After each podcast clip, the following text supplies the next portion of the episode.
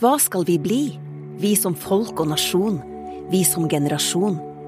I ei tid full av utfordringer, men òg muligheter, la oss bli de som tok ansvar og styring, som skapte nye bransjer og næringer, som oppfylte håpet om bærekraftig vekst, som ville noe nytt, noe bedre, noe mer. NHH vil noe mer.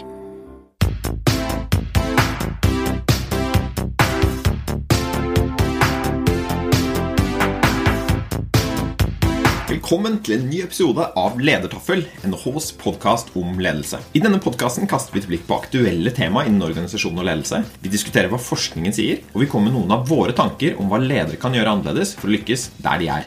Mitt navn er Marius Jones, og jeg er ph.d.-stipendiat her ved Norges handelshøyskole. I denne episoden snakker vi om agile, og vi har med oss André Heie Vik, som er leder for teknologi i Knowit Experience Bergen. Vi snakker om hva agile er, agiles historie, om agile er et nyttig begrep i det hele tatt, om scrum, kanban og OKR, og hvordan virksomheter kan komme i gang med agile. Velkommen til en ny episode av Ledertafel.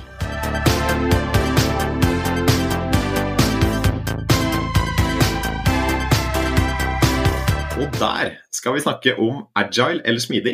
Og med meg så har jeg André Heie Vik. Du er leder teknologi i Knowit Experience Bergen, så velkommen til deg. Takk for det. Og så har jeg selvfølgelig med meg Therese Sveidrup, som er førsteamanuensis på NHH og fast podkastmakker. Så velkommen til deg òg, Therese. Takk for det, Marius. Så agile, dette ordet, eller smidig da, som det heter på norsk, det er jo hett og har vært hett en stund. Og I dag skal vi prøve å nøste litt i hva agile er, eh, litt om fordeler og ulemper med agile, og hvordan lykkes med agile. Så Jeg tror vi kommer til å bruke de ordene agile og smidig om hverandre, eh, hvis det virker som en, en grei måte å gjøre det for dere. Eller kludrer jeg med språket allerede da? Jeg tenker det, det, blir, det blir helt naturlig, og, eh, for det, det brukes litt, ordene brukes litt forskjellig av, av, av forskjellige folk. Eh, Smidigbegrepet er ganske innarbeidet i på en måte programvareutviklingsverdenen i Norge, men, men, men, ikke nødvendigvis hos alle andre. Så vi, det, det går helt greit. Herlig. Og jeg tenker litt, Vi må bare snakke litt først om hva vi egentlig snakker om her. da, og, og Da vil jeg gjerne høre litt om deres bakgrunn for å forstå disse temaene. da. Så Therese og André, hvordan har dere blitt kjent med agile, og hva er det for dere? Ja, eh, så jeg eh, har jo bakgrunn som, eh, som utvikler. Og når jeg studerte informatikk for det begynner å bli 20 år siden, så, så var jo det her noe som var i den spede begynnelse. Definitivt ikke noe vi lærte om på universitetet. Det var mer sånn fossefallsmetoder og kanskje litt grann sånn iterative ting og sånn. Men, men, vi hørte jo om dette. her. Det var jo noen nye ting som kom, som begreper som extreme programming. Det hørtes jo litt, litt, kult ut og litt, litt, spennende ut, på en måte. Men det var jo ikke noe når jeg kom ut i arbeidslivet, det var jo ikke sånn vi jobbet. Det var, jeg skal ikke si det var helt fossefall, det var nok en grad av brukermedvirkning og iterasjon, men, men smidig vil jeg ikke si det var. Og det lille jeg hørte om folk som prøvde for smidig, var nå kanskje ikke noe jeg ville kalt smidig i dag. altså Kanskje de, kanskje de jobbet etter scrum, men ganske sånn stramt. Eh, nesten eh, legg fra deg, legg fra deg mobilen før du går inn, nå er det full fokus. Eh, kun jobbe, jobbe i i den sprinten, da. Jeg kom litt sånn inn i det etter hvert når jeg hadde jobbet noen år, var på noen konferanser, fikk høre Ja, fikk se at det fantes en verden der ute som, som jobbet på en, en, smidig måte. Altså, det var ja, både, altså, Særlig internasjonalt. Så, ja, det begynte på en måte virkelig å bevege seg, dette her mot eh, kanskje opp mot 2010. Jeg tror Smidigkonferansen i Norge ble startet i 2007 eller 2008. og Da var det jo en del eh, eksempel på eh, bedrifter, særlig i Oslo-området, som jobbet på en smidig måte. Og, og Hvis jeg spør, hva, hva, er det for noe? Liksom, og, hvis man på en måte tenker at man skal løfte blikket og si noe om hva dette du har blitt kjent med er, som er en kontrast til Fossvoll, hva, hva er agile? Agile er en, eh, det er en måte å jobbe på som, som på en måte i større grad tar, ser endringer som en mulighet enn en trussel. Jeg liker å si at man, man tar virkeligheten på alvor. Altså, i, I, et tradisjonelt fossefallsprosjekt så, så, så, er alt som, alt som utfordrer planen, er jo, er jo, egentlig en trussel. Man har jo gjerne inn, inngått en kontrakt på den planen, og det er sånn man, sånn man skal levere. Og, og, suksess blir målt på om man, man leverte i henhold til planen. Med, med, en smidig måte å jobbe på, så, så, er ikke det så viktig. Her er det mer sånn utfallet, hvordan, hvilke forretningsresultater gir, gir det. Det er det, som, det er det som blir viktig. Det er det man uh, måler på, og det er det som, uh, det som definerer suksess. Uh, det er på en måte en veldig overordnet måte å beskrive det på, men, men jeg tenker som en, som en filosofi, som, en, som, et ledelsestankesett og et styringstankesett, så, så er det, er det, sånn jeg tenker på det. Og så er, det, er jo det selvfølgelig et hopetall av alt fra metoder og ideer, og, og, og det har beveget seg ganske langt fra, fra den, den spede begynnelse for, for, for, for, 20 år siden. og og så tror jeg, som, jeg tror det er mange ting, som, mange ting som omtales som smidig, som, som, helt sikkert er diskutabelt, eller agilt, som, som, helt sikkert vil være diskutabelt for noen hvor, hvor, hvor agilt det er. Da. Så, det, så, det, så, sånn sett er det et vanskelig spørsmål å svare på, for det, det, det, betyr forskjellige ting for forskjellige mennesker. Kult. Hva betyr det for deg, Therese? Du har jo forsket litt ja. Eh, på det. Ja, Hvis jeg kan få lov å si først hvordan jeg ble kjent med det, så var det jo litt fordi at eh, Ok, så jeg kommer jo fra teamverden. Eh, det å få mm. mennesker til å samarbeide bedre er jo det vi hele tiden prøver på i forskningsgruppen vår. Og så har vi jo en del forskningsprogrammer der vi er mm, tett på eh, næringslivet og partnere. Og det siste forskningsprogrammet vi har nå, som eh, handler om radical change, altså hvordan store virksomheter kan rigge seg for eh, ja, radical change eller endring, så snakket jo en del av de bedriftene om dette med the agile way, eller er det en måten å, å komme om dette på? Er det, en løsning vi kan se på for å få til endring i organisasjonen? Eh, og da ble mm. jo vi nysgjerrig på hva er dette for noe. Fordi at eh, når du da går til den akademiske litteraturen og skal lete etter ja, hvordan er definisjonene der på det agile osv., så, videre, så er det ikke så veldig mye vi finner. Så det som mm. gjorde at vi ble nysgjerrig, er jo nettopp at her ser det ut som praktikerne, eller her er det jo softwareindustrien og, og sånn som har løpt foran oss, og så kommer vi litt sånn halsende etter. Oi, her er et fenomen eller en, en måte å jobbe på som eh, vi må prøve å, å se litt på og finne ut er det, hva er fordeler, hva er ulemper, og gjøre studier på. Så vi har jobbet litt systematisk gjennom da, å bruke masterstudenter, det er jo vi så heldige på NHH, og sende de ut i type agile team. Og observere, intervjue, få de til å få en bredere forståelse av hva er muligheter og hva er utfordringer. Så jeg kommer til å spille litt på det utover i episoden funnet vi har der. Men bare sånn for å ta spørsmålet du begynte med, hva er dette agile? Og mm. hvordan ser man det på litteraturen, og hvordan defineres det osv. Og, og bare for å ta det, så har vi hatt utrolig mange artige diskusjoner mellom eh, oss fagpersoner på NHH. For det er litt sånn Ja, men er det ikke bare et selvstyrt team, da?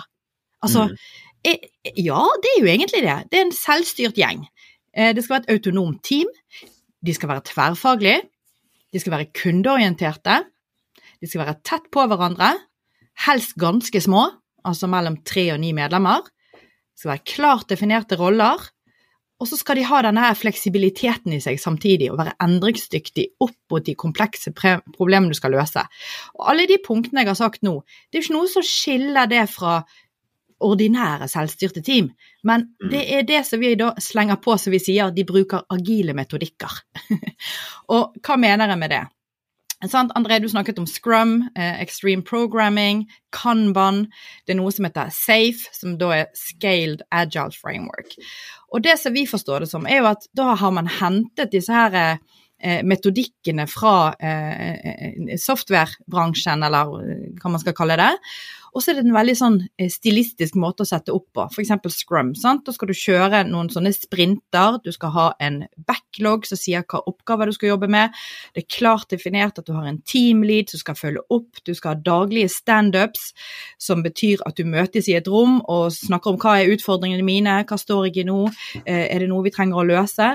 Og så har du de her to ukene der du jobber tett på hverandre, og så skal du hele tiden da sjekke opp mot kunden. Leverer vi, de er involvert, skal vi gjøre eh, endringer og iterasjoner. Og det er jo da, som André var inne på, i sterk kontrast til denne fossefallmetodikken som, som du nevnte. For der skal man først gjerne planlegge i lang tid og spesifisere alt som man skal løse.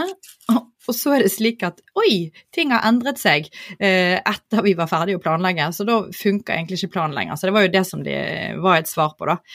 Så det er i hvert fall sånn vi har begynt å forstå det, at det er ikke så annerledes enn det vi i litteraturen kaller selvstyrte team, men det er det at de har begynt å bruke noen eh, litt eh, spesielle metodikker, eh, som jeg sa. Og så ser vi det at noen har vært veldig sånn tro mot at nå skal vi være veldig sånn skrømorientert, og så når man blir mer og mer moden som organisasjon, så ser man at man begynner å trekke på litt andre metodikker og utvikle egen eh, mm. metode i sin organisasjon. Jeg vet ikke om det stemmer for, med din observasjon, André?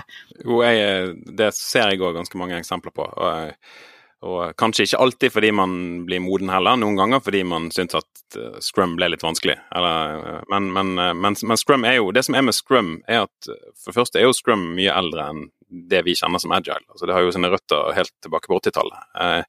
Men, men, scrum er jo et eksempel på en veldig sånn, ganske sånn preskriptiv metodikk som sier gjør sånn, innfør disse rollene, gjør det, gjør det på denne måten. Og, og den er nok veldig effektiv hvis du, hvis du klarer å skape et sted, en rammer i organisasjonen der du kan jobbe på den måten. Eh, men så er det ikke alt som er så lett å, å timeboxe. Noen, ting, noen ganger så er, man, er det ikke så lett å løsrive seg. og da eh, Faren da er jo at man, man, kanskje kaster de tingene, man tar vekk de tingene som gjør scrum godt, og så gjør man ja, litt sånn Scrum-bøtta, som er et, et, begrep som ofte blir, eh, blir, blir, sagt. Og Det kan jo være greit hvis man er moden, men hvis man ikke har oppnådd den modenheten, så kan det være litt skummelt da. Og det kan det bli en kanskje litt sånn, så sier, litt sånn dvask eh, dvask metodikk. Og det er et spørsmål som man kanskje ofte hører eh, eh fra utviklingsteamet, men det er vi, er vi nå egentlig så, egentlig så smidige? Er vi nå egentlig så agile? Altså, hva, Organisasjonen står og snakker om at vi er, vi er agile, men er dette her er dette her så veldig agilt? Og det, det, er, alltid, det er ikke alltid det er det. Det må man må man vel ja. kunne, kunne, si, da. Ja. Ja, for vi blir vel litt nysgjerrig. sant? Hvorfor vil vi ha en episode om dette? For det blir litt sånn, Dette er nesten som en sånn eh, liten oppskrift som Nå har vi funnet løsningen, folkens. Hvis vi bare blir agile, så skal vi bli mer innovative. Vi kommer til å få løse problemene raskere, og osv. Så, videre. så stiller vel vi litt spørsmål ved. Eh, sant? Blir dette en sånn eh, oppskrift man bare adopterer, og så er det kanskje noen spørsmål man bør stille før det. Så når, som er tilbake til at når vi gikk inn i dette og prøvde å se på det, så, så var det litt sånn Når er det man kan bruke disse agile teamene? Når kan det være hensiktsmessig? Så det er jo noen ting som bør være på plass, sånn som vi har lest oss frem til det, da. Eh, og vi ser jo at det ofte er innenfor sånn software innovation, altså at du har disse her eh, tverrfaglige team utviklere, og at det er noe som skal produseres eh, i, i den forstand. Gjerne at det er et litt komplekst problem, at det er en uklar løsning, at det ikke er så gitt i utgangspunktet hva du skal faktisk løse, og at produktkravene kan endres underveis, og at man kan eh, modularisere arbeidet, altså stykke det opp, sånn at du kan sette ulike mennesker på. Det er også noe med at uh, denne kundekontakten, at du kan samarbeide med en kunde som kan gi tilbakemeldinger i forhold til disse iterasjonene man gjerne uh, eh, snakker om. Og så at det er mulig få hurtig tilbakemelding når man driver og tester mm. ut og ser om man skal gjøre det. Det er i hvert fall sånn jeg har eh, lest meg frem til at der er noen forutsetninger. Det er jeg enig i, og jeg tenker nok at det du sier med, med tilbakemelding, altså feedback, mm. tilbakemeldingsløkker, det er noe av det mest sentrale i hele ja. Du kan uh, ta vekk alt av uh, metodologier og, og alt, men, men hvis, du, hvis, du, kan få til feedback, så er du på vei til å være, være smidig. Altså, ja. Hvorfor er det hvorfor, altså, hvorfor har Scrum disse her sprintene? Jo, det er jo for å få ut noe som fungerer, kan, kan prøves, testes, som man får mm. feedback på, så man ser at man styrer i riktig retning. Det er, altså, den, det er jo den ideen, og hvis, hvis du er på vei å, hvis du er på vei til å, å, å, kjøre et sted med bil, så er det jo greit om du ser ut vinduet og ser om du kjører, du kjører i riktig retning, på en måte. Det, ja. hvis, hvis, du kjører, eh, hvis, du kjører, sørover når du skulle nordover, så eh, hjelper ikke om du kjører uh, kjempefort. Det, måte, det, hjelper ikke i det hele tatt. Og Det er jo denne med om å ta, ta input fra, fra, omgivelsene rundt. Og det er jo igjen når noe, når noe er komplekst, så så kan man ikke alltid vite på forhånd om, eh, om det man eh, lager, treffer. Eh, det sant, du lager et produkt som altså Ofte i softwareutvikling så lager du noe som skal brukes av mennesker. Det er kanskje en del av en endringsprosess i organisasjonen. og Utfallet av det du lager, om det du lager er nyttig, om det du lager hjelper til det du skulle oppnå, det vet du ikke nødvendigvis før du har testet det i, ute i organisasjonen på ekte mennesker. Og da da er det klart at det er en stor fordel om du kan få feedback på det etter to uker fremfor to år.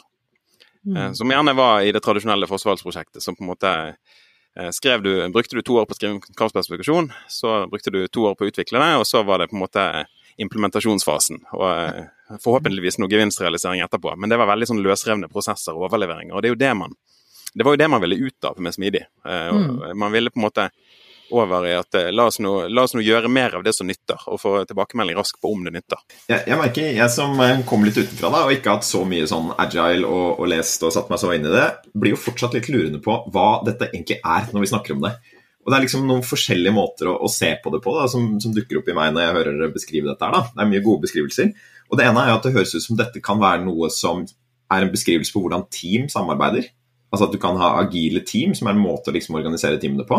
Det høres ut som det er en måte å organisere prosjektet på. Altså denne kontrasten til Fosserdalsmetoden. En måte å øh, drive prosjektledelse som ikke trenger å være koblet til et team spesifikt.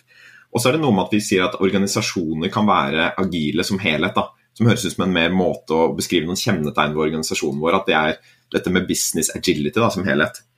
Og så er det kanskje to andre måter, eller en annen akse hvor dette kan være forskjellig på. Da, hvor man kan snakke om at agile er en metodikk, eller en type metodikker. At man bruker noen metodikker, litt som du sier her, Therese. Og så er det noe annet som høres mer ut som agile er en slags filosofi, eller noe som kjennetegner mer hvordan vi jobber på. Så hvis vi nå skal bevege oss liksom videre og snakke om agile, da, er det mest meningsfullt å snakke om dette på teamnivå, altså en måte å organisere team på, som en metode for prosjektledelse, eller noe som kjennetegner organisasjonen? Og så tenker jeg vi skal både innom dette her med filosofien, altså de, de myke tingene, og metodikken. Da. Men hvis jeg bare sender den til deg, André, hva tenker du? Er det business agility, teamnivå eller prosjektledelse som vi bør bruke som en sånn inngang til å prate om dette her mest nå? Så det er jo det klart det er jo veldig interessant å snakke om det med, med team, og særlig siden eh, vi har Therese med oss, som er på en måte team, mm. teameksperten her. Eh, så, men så er liksom utfordringen med å snakke om agilitet på teamnivå, det er det at eh, du kommer på en måte bare så langt med et team. Noen, eh, mm. noen, må, noen setter rammene for hva det teamet skal gjøre. Så det er svært sjelden eh, altså, ja, Jo da, teamet kan jo være besatt være helt autonomt og få eh, nær sagt sette sine egne mål, men det skjer jo også i en kontekst av en organisasjon. Altså, det ene teamet som, eneste teamet som er reelt sett 100% autonomt, er jo eh, startup-teamet. Der på en måte mm. det består av alt fra gründer og CEO til marked og, og utvikler. Vel, da, da, er du 100 autonome, men da er det jo hele organisasjonen. Men i de fleste andre organisasjoner av en viss størrelse, så bryter du fort opp i at noen, eh, noen styrer, eh, noen, noen, må sette retning, og det blir større enn det du kan løse inn i ett team. Så det er på en måte litt sånn Det er en uløselig avhengighet her på en, på en, sånn, på, en viss måte. Hvis du, hvis du mm. bare snakker om agilitet på et, eh, på et teamnivå, så vil du, du komme til du, du, optimaliserer til et punkt etter hvert ofte, der det blir en del frustrasjon. Da, for du begynner å synliggjøre problemer på organisasjonsnivå. Så teamet gjerne ser veldig godt. Men teamet jobber jo eh, veldig nede i detaljene og kjenner på kroppen ethvert problem eh, som finnes. Eh, møter ja, til dels så direkte, direkte kundekontakt. Og så, og så, blir det en del friksjon ut av det. Så, så, det er ikke så lett å koble det helt fra hverandre. Det mm. Eh, Kanskje kan man jo diskutere om prosjekter og smidig henger sammen i det hele tatt. Det er jo de som vil si at det er som, som olje og vann, på en måte. Men, eh, men det, er jo en, det er en diskusjon i seg sjøl. Kanskje vi ikke skal gå inn på den i dag, for det er på en måte nesten en diskusjon i seg sjøl. Hvordan, eh, hvordan, de tingene passer sammen. Men jeg tror det der med rammebetingelser for team og team, det, mm. det kan mm. være en bra måte å, mm. å, å, å, snakke om det. Ja, for jeg blir jo nysgjerrig på, for Du har jo jobbet i litt forskjellige virksomheter. Eh, og Hvordan er det praksisen, eller hvordan ble det innført der du var? Var det da noen Eh, utviklere som hadde hørt om dette og implementerte det, eller var det fra toppen at noen skjønte at vi trenger nye måter å jobbe på, la oss rulle dette ut? Det er jo litt interessant å høre reisen din, André, i forhold til det. Alle, alle steder jeg har jobbet, så har, har dette startet i utviklingsavdelinger og utviklingsteam. Eh, som, eh, som, på en måte har funnet nye måter å jobbe på. Og, og, det er jo noe med at Du kan jo gradvis begynne å bli mer smidig. Du trenger jo ikke ha en godkjenning fra noen for å, å på en måte sette opp en tavle med oppgavene dine. Eller, eh, eller, eh, til og med det å jobbe i sprinter. Det kan jo sånn skje i det små, i, i, i det små nedenfra. Så det er det jeg har erfaring med. Sånne, jeg har aldri, det finnes organisasjoner som har sånne store programmer. Nå skal vi, nå skal vi bli agile. Ofte kombinert med at de har Eh, bestemt seg for et stort rammeverk som skal, eh, skal implementeres. Jeg, jeg, har aldri vært med på en sånn prosess. Eh, jeg kjenner jeg er ganske skeptisk til det.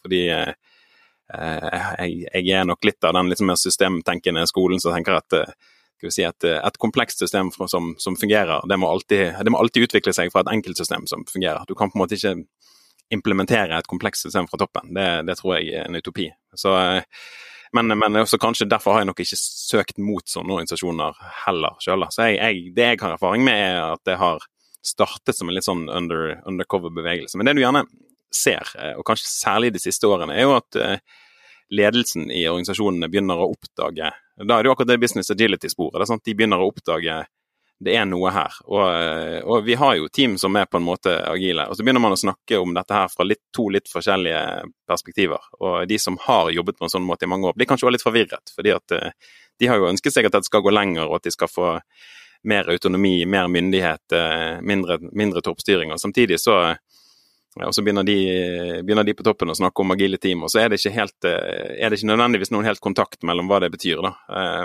men det er en, eh, i det jeg har sett, en modningsprosess som tar ganske lang tid. Det, det kan gjerne ta noen år for en organisasjon å finne, finne helt sin egen, egen, egen, vei oppi det der. Og jeg tror det er noen ganger litt sånn du føler at det er to skritt frem og ett tilbake i en, en, en, sånn prosess. da. Det er en ja, det er veldig sånn ja, kanskje ikke sånn Det begynner jo å bli litt forskning på det, men det er jo ikke sånn veldig godt beskrevet ennå helt, helt hvordan de prosessene fungerer. Eh, det er nok lettere å se på det på teamnivå, tror jeg, enn på institusjonsnivå.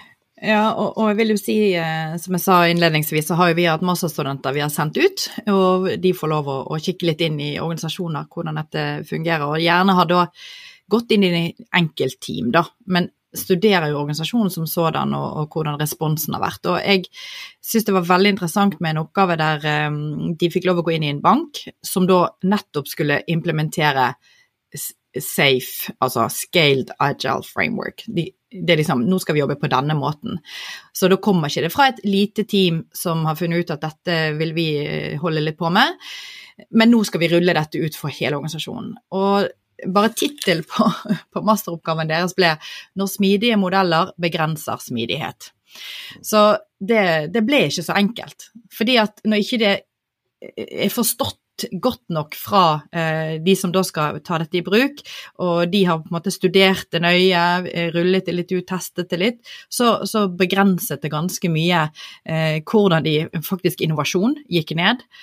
De fikk utfordringer med autonomi. Og, det er jo veldig morsomt, egentlig, eller trist, vil jeg si, når det er jo det du egentlig skal få til gjennom å implementere dette. Men det ble altså uh, en, en um, opplevelse av å være i hamsterhjulet. Sant? Det var stadig nye sprinter. Sant? Nå skal vi være kjempegode å innføre at nå skal vi jobbe raskt osv. Og, og innimellom sprintene så skulle de ha hackathons, for da skulle de være innovative. Så da skulle de sette seg hele dager og, og ja, komme opp med gode ideer, men da var de helt utslitt. Så da, da ble det jo ikke noen gode ideer som kom ut på, på den måten. Så de måtte jo da stoppe opp og si oi, her har vi kanskje rullet ut litt for enkelt. Så jeg tror nok at uh, Tilbake til spørsmålet ditt, Marius. det er jo det vi eh, diskuterer litt. Hvordan eh, organisasjoner, hvordan skal de implementere det? Skal man ta det fra toppen, og skal man rulle det ut til hele organisasjonen? Det er vel ikke så god idé, egentlig. Eh, og tilbake til å se på dette teamet, og at det begynner litt i det små, og så tilpasser man det, og så blir noen nysgjerrig og er motivert, og så går man tilbake, og så ruller man det stadig ut. Jeg tror nok det er kanskje en sånn erfaringsvis bedre måte å gjøre det på, da. Mm. Ja, det, det, tror jeg òg.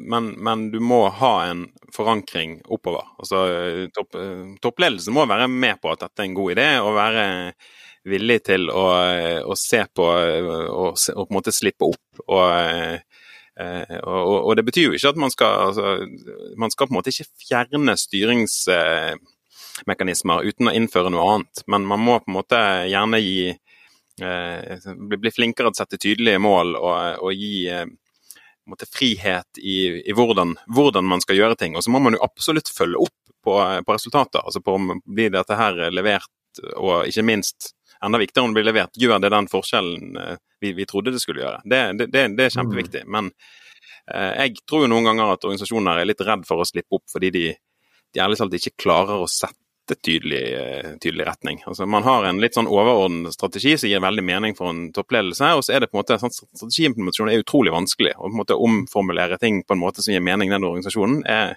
er, veldig krevende. Det har vært krevende for alle organisasjoner jeg har vært i. og og, og hvis, du ikke, hvis, du som en ledergruppe ikke helt skjønner, føler at du, du, du, får det helt til, så, så, er det klart det der å da skulle slippe opp og gi, gi frihet til, til, noen team, det, det skjønner jeg er, er, veldig skummelt. Og det, Eh, mm. Men, men, hvis du ikke får det til, så eh, kan man jo spørre seg du, er, er, du moden for å virkelig få ut verdien av, av måte, agile team. Da. Jeg lurer litt på om Tenker du at dette begrepet er nyttig å ha?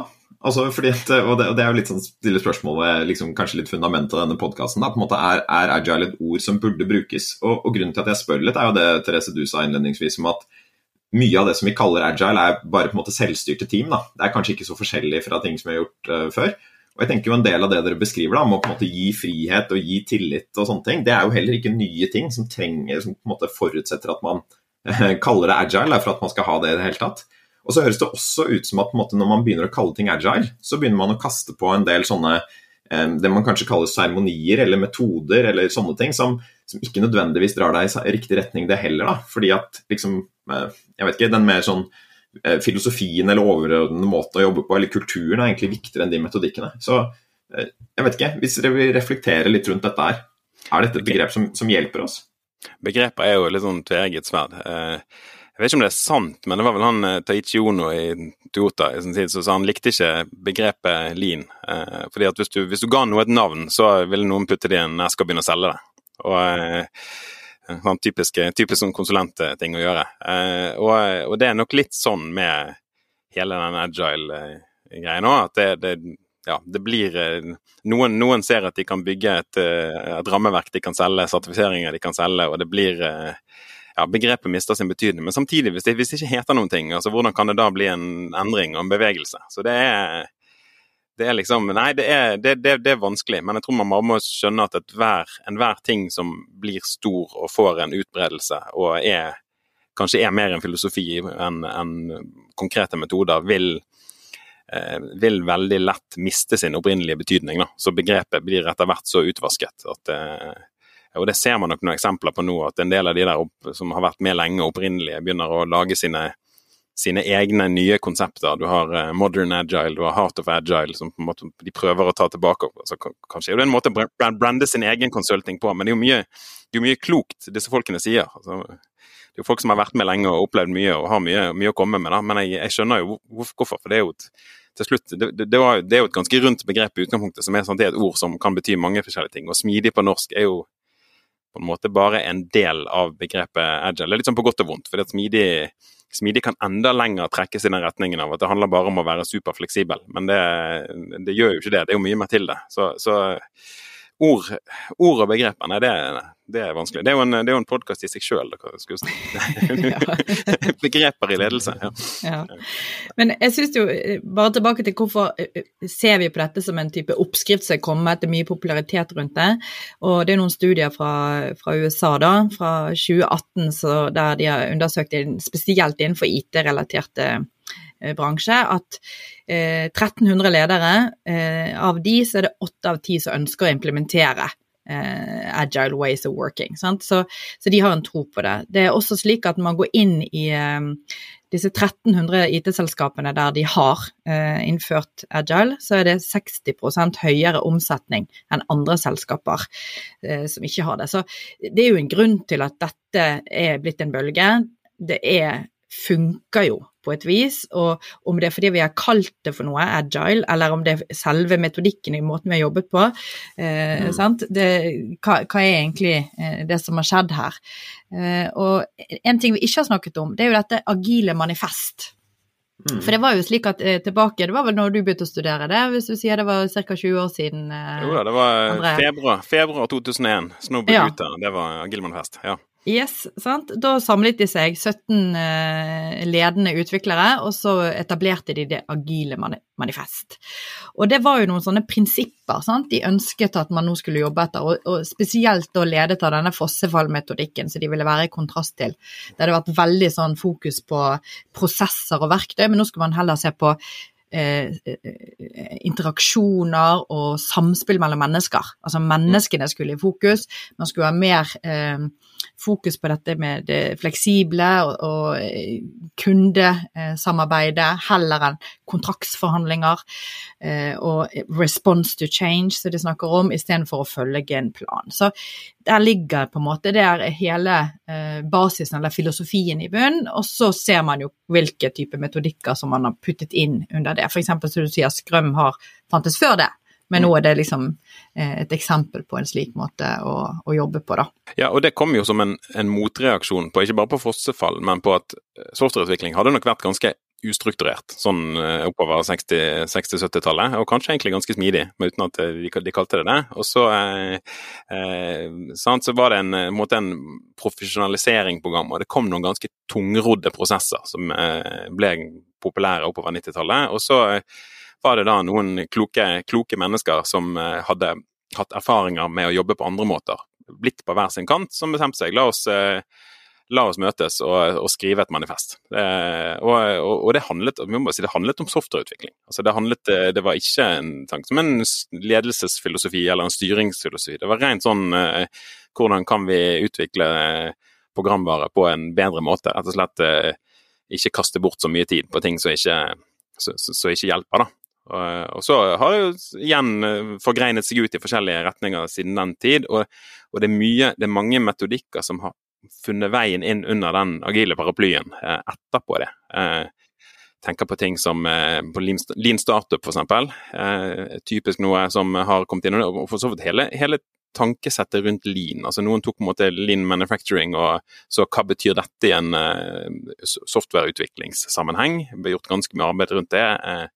Uh, Poppin Poppindeek særlig gjorde, har gjort veldig mye interessant på det, på det området. Og, og, det er på en måte det har, det bygget seg opp egentlig i de 20 årene. Det har blitt en uh, ganske brei, uh, brei, bevegelse, da, vil jeg, vil jeg si. Og, og, mange forskjellige metodikker. Så, så det, er liksom, det, er greit, det, er greit, å se på manifestet som hvor startet dette fra, men vi er ganske langt fra, fra 2001 og fra manifestet i dag. Og også med den bredden det har fått, sant? at man begynner å snakke om uh, agile i, ja, i, i, langt, langt utover og i hele organisasjoner. Og, og man har så mange eksempler òg. Men det er jo en sånn veldig tendens til at folk vil ha lette oppskrifter. Du vil ha en ting du kan klippe og lim implementere. Vi vil, eh, vi vil kjøpe safe, eller vi eh, eh, Noen som du har da det Spotify, eller Konsulentene som var hos Spotify var veldig flinke til å lage videoer som beskrev en idealsituasjon om hvordan det var hos Spotify for snart ti år siden, og det har jo blitt veldig populært. Men det var jo verken sånn Spotify var, egentlig var på den tiden, og i alle fall ikke sånn som Spotify er i dag. Fordi alt er jo i en endring, og og mange, mange, gode ideer der, men det er jo igjen eh, du må, du må, på en måte starte i din egen kontekst og forstå din egen organisasjon. og dette, dette er på en måte, det, det, er en avansert måte å jobbe på. Det, det, krever, det krever, en stor grad av modenhet for å virkelig få, få utbytte av det. Og, men det betyr jo ikke at du ikke kan få utbytte av det med å begynne i det små, men du må forstå det at, eh, at du må, du, det, det, det, det må avanserte teknikker vi snakker om. Eh, ja, bare for å eh, kanskje gå litt inn på disse teknikkene. da, for at Jeg tok opp det her Agile-manifestet nå. Jeg tenkte jeg bare kunne lese det sånn kjapt, bare for å liksom ha det i bakhodet, da, siden det er jo veldig mye som kommer derfra. Hvor det står at det er sånn 'individuals and interactions over processes and tools'. Det andre prinsippet er 'working software over comprehensive documentation'. Tredje er 'customer collaboration over contract negotiation'. Og fjerde er 'responding to change over following a plan'. Jeg bare, liksom, når jeg ser de tingene der, da, som du også snakket om, Therese, så er det jo ingenting der om metodikk og verktøy. Det er jo, dette er jo prinsipper for hvordan man jobber på. og så ser vi ofte at når folk skal jobbe agil, så virker det som man ofte går til disse metodikkene og til den verktøykassen. Um, og kanskje to spørsmål som kommer derfra. da. Det første er jo liksom Hvorfor har det gått fra på en måte prinsipper til verktøy for, en del som jobber det? Og så kan vi kanskje snakke litt om denne verktøykassa også, da, siden det er kanskje det er noe som hjelper oss å gjøre dette litt konkret, da, så, det, så det blir forståelig hva vi snakker om. Jeg vet ikke om du reflekterer litt på den første, André? Jeg tror at det har gått veldig fort i retning av verktøy fordi eh, det er lettere å forholde seg til konkrete ting. Det er liksom sånn i menneskelig natur. At det, det, er mye lettere å forholde seg til ting som er, som er konkret. Igjen, eh, man vil ha en oppskrift. Eh, og det er jo også vel og bra, for et eller annet sted må du jo starte. Eh, og det handler jo òg om at eh, det fantes jo på dette tidspunktet en hel del konkrete mm, metodikker. sant? Scrum eksisterte, XP eksisterte. Så, så, noen Skal man implementere noen ting, så vil man jo gjerne ha noe, noe å starte med. Og, og, det er jo egentlig vel og bra. Noen av disse tingene er jo veldig bra. Altså Scrum er jo en Scrum i sin, sin kontekst er jo Scrum helt, helt supert. Eh, men, eh, men, det er liksom Det er bare det at du må du må bare anerkjenne at du må, du må forstå, du må forstå hvor, du, hvor, du, er hen. og forstå, forstå, hvor du vil med det. Eh, det er kanskje det som er bekymringen min med, med, det. da. Så, men jeg, jeg, har, altså jeg, har full, jeg, har, full, forståelse for det at i en, i en, en, en travel hverdag, det å innføre en konkret ting som er etter en oppskrift. Klart, klart man, må, man, må, begynne der. Det, det, er ingen, det, er ikke noe rart i det hele tatt. Hmm. Jeg tenker For lytterne våre, hadde du hatt mulighet til å kjøre gjennom et, et eksempel på hmm. hva, hmm. hva har man eh, jobbet med i f.eks. En, en skrøm, en sprint, eh, og hvordan funket det, og hva kom ut? Ja. Nei, for å, ta, for, å ta, for å ta Scrum som et eksempel, da. Der er jo eh, poenget at man timeboxer utviklingen i en, eh, i en tidsperiode. To uker, eh, noen, noen har kanskje lengre perioder, men la oss ta to uker som et eksempel. Da, og da, da gjennomfører man en planlegging i forkant av den, der man samler, der man samler hele teamet og gjør en, en, planning. Hva skal vi utføre da? Og så er det på en måte ideen at man har en, en felles commitment. Sant? Man forplikter seg på at dette skal, dette skal, vi levere. Og det gjør man som et, eh, som et helt team. Og så er det noen roller i dette her. Du har en, en produkteier som er den som har ansvar for å å prioritere eh, backloggen, da, som er listen over sant? hva er det vi ønsker å få gjort her. Sånn, hva er viktigst til, en, enhver tid? Den, den, må være prioritert, så vi vet hvilken ende vi skal begynne i, rett og slett, for å levere størst verdi. Og du har en scrum master som har en sånn fasiliterende rolle i teamet fra dag til dag med å eh, ja, fasilitere altså at man eh, fjerner, fjerner, hindringer og sørger for at arbeidet, arbeidet blir gjort. rett og slett. Så I et tverrfaglig team har man andre roller. Typisk utviklingsteam har man. Man har utviklere, man har uh, UX-designere, man har testere, og det kan være forskjellige ting. Det kan også være forretningsspesialister inni, som, som, eller domenespesialister som kjenner området man, man jobber inn i. Så når man har committet til den planen, så handler det om å, å jobbe. Jobbe etter den. Sant? Levere. Uh, og, og, følge med på at man har den fremdriften eh, man skal ha. Man, man, man, jobber, fullfører forhåpentligvis det man har forpliktet på, og så gjør man en, en, en sprint review på slutten av sprinten. Der man eh, både reflekterer på ok, hva har vi levert, og, og, og man har demoer. sant, viser frem hva man har, levert. sånn at kunden, det er Dette med working software. Sant, se en, eller I Scrum kaller de det vel et produktinkrement, det man, det man leverer på. da. Og så, så det er jo en syklus her til med å på en måte Eh, planlegge, gjøre eh, og, følge opp eh, fortløpende, og, og, evaluere etterpå. Hvordan gikk dette her? Og Det handler jo også da om det vi i en smidesammenheng kaller retrospektiv som egentlig er møter for kontinuerlig forbedring. For det blir jo en veldig viktig del av sant? Skal du jobbe Hvis du jobber på en sånn måte som gir deg hyppig feedback, så er det jo viktig at du reflekterer over den. Hva var det som, var det som gikk bra? Uh, ja. Så det er på en måte gangen i, i, Scrum. Jeg må jo si, jeg har aldri jobbet i en organisasjon som følger Scrum til punkt og prikke. Jeg har, uh, jeg har deltatt på, jeg har, har tatt sånn type Scrum Master og produkteierkurs og den type ting. Og det er jo typisk når man tar inspirasjoner, selv om man ikke jobber til punkt og prikke etter Scrum. Men det er på en måte en, en Scrum-måte å jobbe på. Den andre veldig vanlige måten å jobbe på, som er langt mindre preskriptiv, ned til at det er nesten ikke noen roller eller seremonier eller noe i det hele tatt som er bestemt, er jo, er da Kanban. Som en flytorientert eh, metodikk, der, der, poenget er at man, man, skal visualisere hva man holder på med, eh, på en tavle typisk, gjerne fysisk, men også digital. Og så eh, jobbe med få ting om gangen. Altså limit work in progress som, eh, som, som prinsipp. da. Og det er jo basert på sånn Eh, prosessteori om at eh, jo flere oppgaver man har i fly til enhver ting, jo lengre tid vil det ta å fullføre noe som helst. Det sier seg jo egentlig litt sjøl, men det, måte, finnes jo matematiske bevis for at sånn er det. da. Og da sier du at sant, eh, ok, vi er et team på så mange mennesker, dere, vi får ikke lov til å jobbe med mer enn tre ting parallelt. Og så og den har jo ingen, en sånn flytorientert prosess har jo, har jo ikke sprinter, men det er jo målet å få ting Det er viktigere å få noe igjennom til endes enn å, enn å faktisk begynne på noe nytt. For det er jo veldig lett å ønske å begynne på noe nytt, for når ting begynner å stoppe opp og bli vanskelig og, og ja, i, i, det hele tatt, ting som, ting som skjer i, i, i arbeid. Men, eh, men, det er sant, begynn, slutt, slutt, å begynne på noe. Stop, stop starting, start finishing er på en måte prinsippet for en sånn kanban. For et kanban-tankesett. Og Så ser man gjerne organisasjoner at man begynner å blande litt opp at eh, ok, selv om vi kjører kanban, så er det jo nyttig med en eh, faste intervaller av planlegging og, vi, og retrospektiver og, med å reflektere over hvordan det går, det, det, er jo lurt uansett. Så det, det blir jo en blanding. De seremoniene har, har, en tendens til å finne sin vei inn i en, en Kanban-type prosesser. Da. Så Noen kan begynne å snakke om at de, de jobber etter scrum-ban. Det illustrerer vel kanskje litt at det er litt sånn, eh, det er litt sånn mix and match som, eh, som, gjelder. Og jeg tror grunnen til at mange også kjenner at de ikke helt får til Scrum, er det at ofte i, i, en utviklings, i et utviklingsteam så har man også et forvaltningsansvar for å eh, vedlikeholde og feilrette på de løsningene man allerede har ute. Eh, og da, da, da, føles det gjerne litt sånn uforutsigbart i eh, ja, det blir vanskelig rett og slett å planlegge for sprinter, og, og da føles det mer behagelig å, å jobbe Kanban. Og Så er det nok da mange organisasjoner som blir, blir litt udisiplinerte der igjen, og ikke nødvendigvis forholder seg til mye til det å begrense det, sette disse her work in progress, altså WIP limits, da, work in progress limits, altså hvor mange oppgaver får du ha til enhver tid. Og da, Til slutt da, så kan du risikere at det på en måte, du vasker ut hele metoden. så, så det, er jo, det er jo et dilemma, sant? at det er lett å Ting som er litt vanskelig, de er det lett å kutte ut.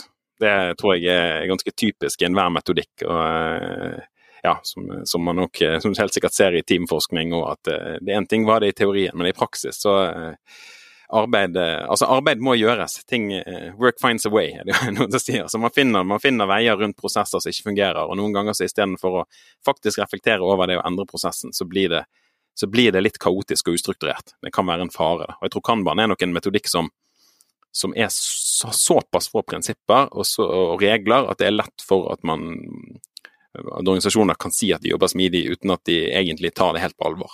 Ja. Men, men, det med eh, eksempler sånn altså, Du har sikkert jobbet mye med, med utviklerorientert. altså Jeg ser for meg en nettside, noe skal forbedres, eh, en løsning eller noe sånt. Mm. Men kjenner du eksempler på at ikke det er noe IT-relatert og at man jobber på den måten? Hva, hva er da i så fall problemstillinger man jobber med for å finne en løsning på? Jeg har ikke noe sånn på stående fot noen eh, eksempler, men jeg, jeg, vet jo at folk bruker, har brukt kanban-tavler i eh, salgs, eh, for i ja, salgsavdelinger. Altså, det er jo litt det samme, den der ok, hvilke oppgaver har vi Hva, hva er to do her, hva er det vi holder på med, hvilke har vi landet? Eh, eh, jeg har i hvert fall i perioder litt sånn personlig kanban. Bruker verktøy for å holde styr på mine egne oppgaver på den måten. og litt for å, En ting for å visualisere alt du holder på med, en annen ting er for å Bør man begynne på én ting til nå? Altså, det er egentlig anvend, Den type tankesett det er jo anvendbart for veldig mye. Jeg har ikke personlig så mye erfaring eller kjennskap til f.eks. noen som har strikt kjørt scrum i, uh, helt utenfor uh, softwareutvikling, men det, det, finnes jo mange eksempler på det, uten at jeg på stående fot kan trekke det frem. Ja. Det er noen av de startupene som jeg har vært ute og forsket på, som gjør dette her. Hvor de bare har egentlig tatt metodikken fra utviklerteamet og skalert opp i hele resten av organisasjonen. Og der er det små tilpasninger de gjør, altså når de skal bruke det til markedsføring eller til ledelsesgruppa. Men i store trekk så er det mye av det samme, altså. Men dette med å jobbe i sprinter og også disse eh, liksom digitale verktøyene man bruker for å organisere oppgaver, og, og også prinsippene der. Så jeg, jeg, får litt inntrykk av at dette er ganske anvendbart mange steder også. Men det, det vet jeg lite om fra forskningen, altså. Jeg får jo litt lyst til, Vi forskere som bruker eh, ganske lang tid på å skrive en forskningsartikkel, kanskje vi skulle sprintet litt når vi skriver artikler, Marius? Hva sier du? jo, men Jeg syns det er nyttig, og jeg har jo ja. selv brukt OKR for å organisere min egen måte, progresjon med forskningen. da. Mm. Og jeg tror vi kan lære mye av det å, å, jobbe iterativt. Vi gjør det til en viss grad da, med å på en måte sende ut måte, artikler til konferanser og, og sånne ting. da. Men det, det må på en måte lage en, en prototyp, det, det, er jo kanskje noe som også holder litt her. Eller prøve å lage ikke en, en working software, men et working working paper som vi sender det til verden. Ja, vi, vi, har, eh, no, vi, har, noen kollegaer som gjorde dette, brukte Skrøm eller sprint-tankegangen med å skrive en artikkel. De hadde ingen ideer eh, før de satte seg ned. Jeg dro til København, og så begynte de å kaste ball med ideer, og så satt de der og skrev. Og det, det ble nylig publisert nå, men jeg tror det er fire-fem år siden de begynte prosessen. da. men det sier jo litt om hvor lang tid det tar å publisere ting. Men, men du nevnte jo et stikkord der, eh, Marius, OKR. Mm. Eh, det, hvor tett er det bundet opp i det agile og smidige, vil du si, André? Jeg tenker Det er jo ikke bundet opp i det, men det brukes ganske mye av, eh, i en smidig verden. Og Det er jo kanskje akkurat som jeg var inne på det her med strategiimplementasjon. Hvordan kan man finne styringsformer som gjør det mulig å gi autonomi? Eh, sånn OKR sånn, er jo det kommer vel fra Intel i sin tid. Det har vært mye brukt i ja, kanskje særlig amerikanske i, i teknologiselskaper. Sånt, ideen med at man har et, et overordnet ob, eh, ob, eh, objektiv. Objektiv er også, også en sånn, en sånn North Star, på en måte, der skal vi, som et sånn overordnet strategisk mål. Og så har man nøkkelresultater som man følges, følges opp på. Og så, og så, er det igjen i hvilke midler man bruker for å nå de nøkkelresultatene. Det blir mer opp til, uh, til de teamene ute i organisasjonen. så det er jo en måte å på en måte gi, gi stor, stor, stor, handlefrihet, samtidig som man har veldig tett oppfølging på, på, på målene. Jeg har jobbet steder som man har forsøkt eh, litt med det. Eh, både, både, team som har gjort det litt sånn nedenfra. At eh, ok, vi, vi, opplever ikke helt at vi får, vi får noen tydelige mål. Vi får, okay, vi får noen ting vi blir, vi blir bedt om, sånn, men hvordan kobler vi dette til overordnet strategi? Og så setter de på en måte, har de satt litt OKR-er sjøl. og så kjenner jeg også til organisasjoner som bruker dette her i ganske, ganske stor skala. Og jeg tror det er veldig stor kraft i det hvis man klarer å ha felles mål på kryss av organisasjonen. Eh, mener jeg, eh, jeg kjenner jo eh, til folk i VIPS som gjør dette. her. og De har også snakket om at de setter eh, må ta felles mål mellom markedsavdelingen og softwareutvikling. Og da, det, er jo en veldig, det en veldig stor kraft i det. Hvis du, hvis du på en måte, Det er klart det, det, der, det der å trekke i samme retning, det er jo helt, det er jo helt essensielt. OKR, OKR, er jo en, sånn sett en ganske lettvekts målstyringsmodell, tenker jeg. Altså Bare for å oppsummere litt, som jeg sa, så har jo vi hatt disse masterstudentene som har vært ute i ulike typer team i ulike typer bransjer. Og når jeg oppsummerer litt resultatene på tvers, eh, der de egentlig vil si at de har relativt godt eh, lykkes med å innføre eh, agil metodikk eller agil måte å jobbe på, så er det likevel noen ting som går igjen. Og det er utfordringer knyttet til å ha en helhetsforståelse. At du føler at i teamet der har vi full koll på hva vi holder på med, men hva er det egentlig organisasjonen generelt holder på med.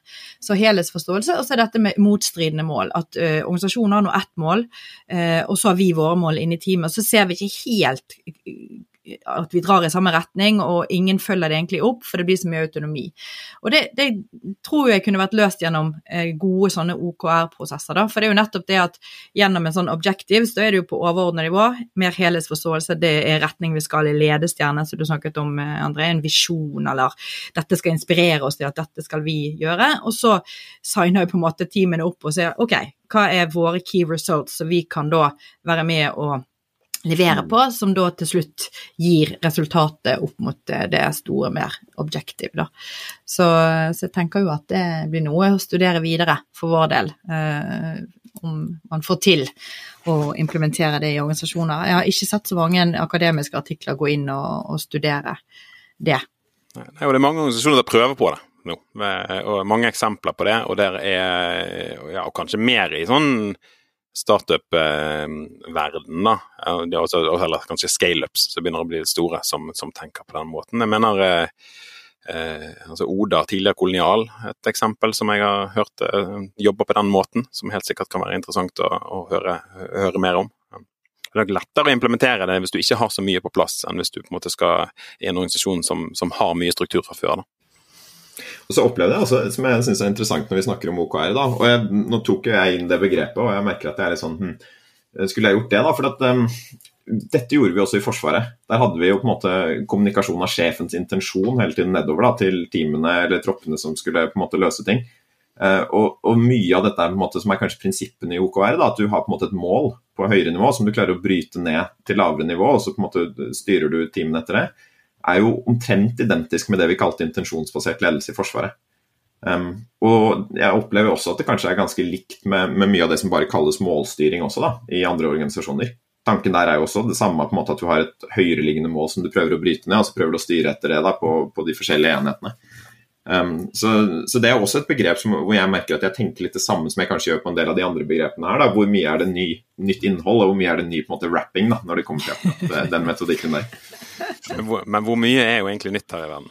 Det er veldig lite. Det er kanskje noe som er mer generelt.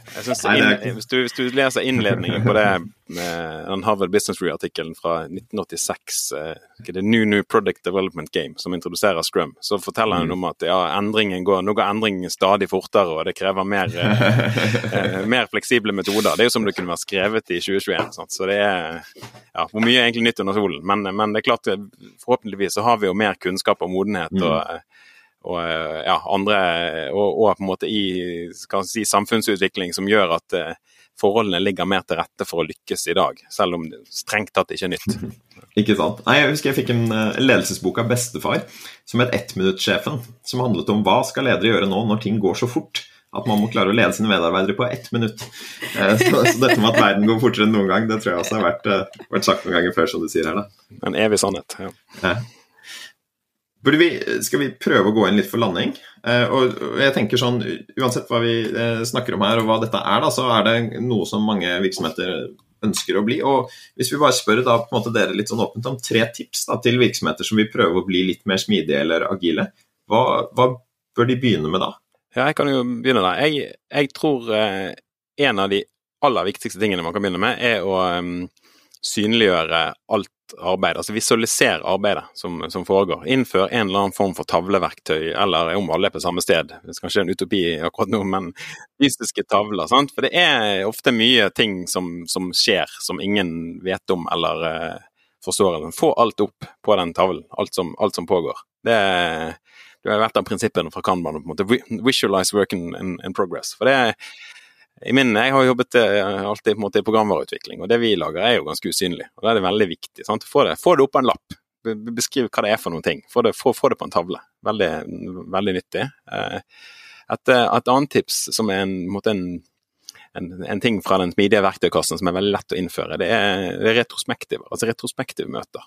Det er en enkel måte å gjøre kontinuerlig forbedring på. og nå er dette her på en måte noe man har holdt på med så lenge at det finnes jo en enorm katalog av fasiliteringsteknikker som man kan bruke for, for retrospektiver. Eh, jeg tenker Det er også en måte å bli kjent med møtefasilitering hvis man ikke har så mye erfaring med det. En ganske sånn ufarlig måte å gjøre det på. Eh, og en måte å få alle på, alle på teamet til å bidra til forbedring. Så retrospektiver er, det kan man bare, kan man bare begynne med. Og, og, og sånt ut fra retrospektivene er det jo da foreslå noen endringer, noen eksperimenter. Og til neste gang så prøver vi å gjøre dette, og så evaluerer vi, det. Og måtte designe det som et lite eksperiment, ikke bare forsøke ting helt målløst, men få, få feedback på det. Eh, og eh, den, den, siste tingen er jo, eh, er jo, det som jeg vet det er litt sånn Therese sitt hjerteområde, men det med å skape gode team. Altså fokuser på psykologisk trygghet. Det er jo helt, helt sentralt for å, for å, bli mer smidig. Det er jo hvis ikke, hvis ikke folk eh, hvis, hvis, du ikke har det, så tror jeg, tror jeg på en måte gode, gode, smidige team er veldig vanskelig å få til.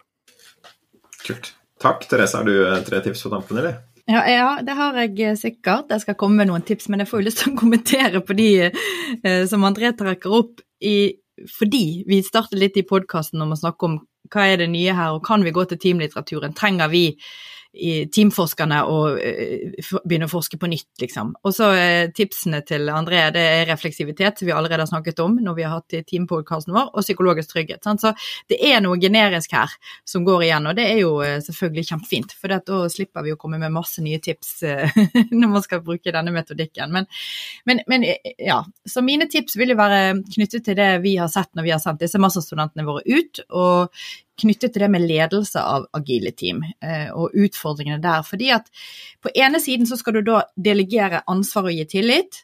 Eh, og så ser vi at folk sliter litt med å ta egne beslutninger. Så det å hjelpe de til å bli eller empower the teams.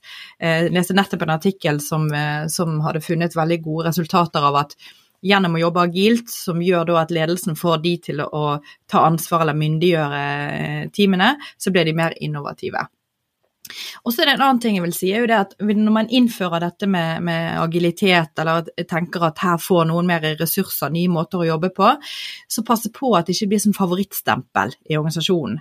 Å ja, der er de kule, de som får sånne tavler og sitter tett sammen.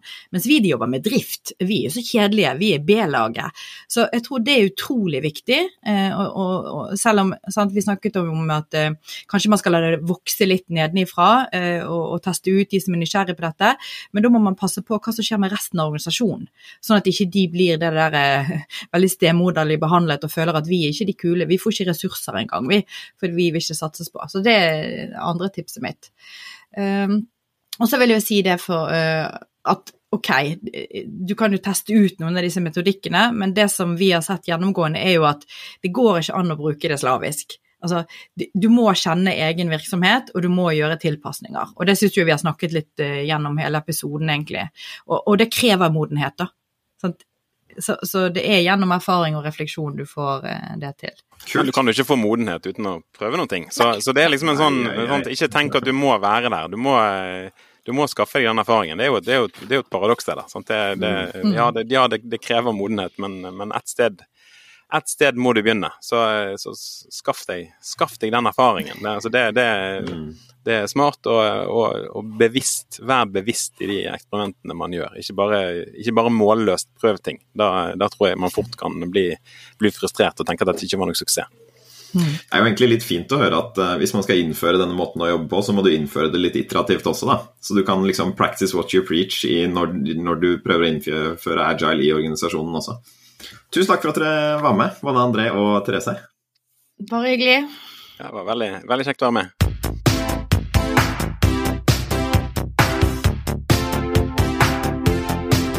Du har nå hørt en ny episode av Ledertaffel, NHHs podkast om ledelse. I studio i dag var André Heievik, Therese Sverdrup og meg, Marius Jones. Om du vil vite mer om hva vi holder på med på Norges handelshøyskole, så finner du oss på nhh.no og søker på NHH på Facebook. Vi høres.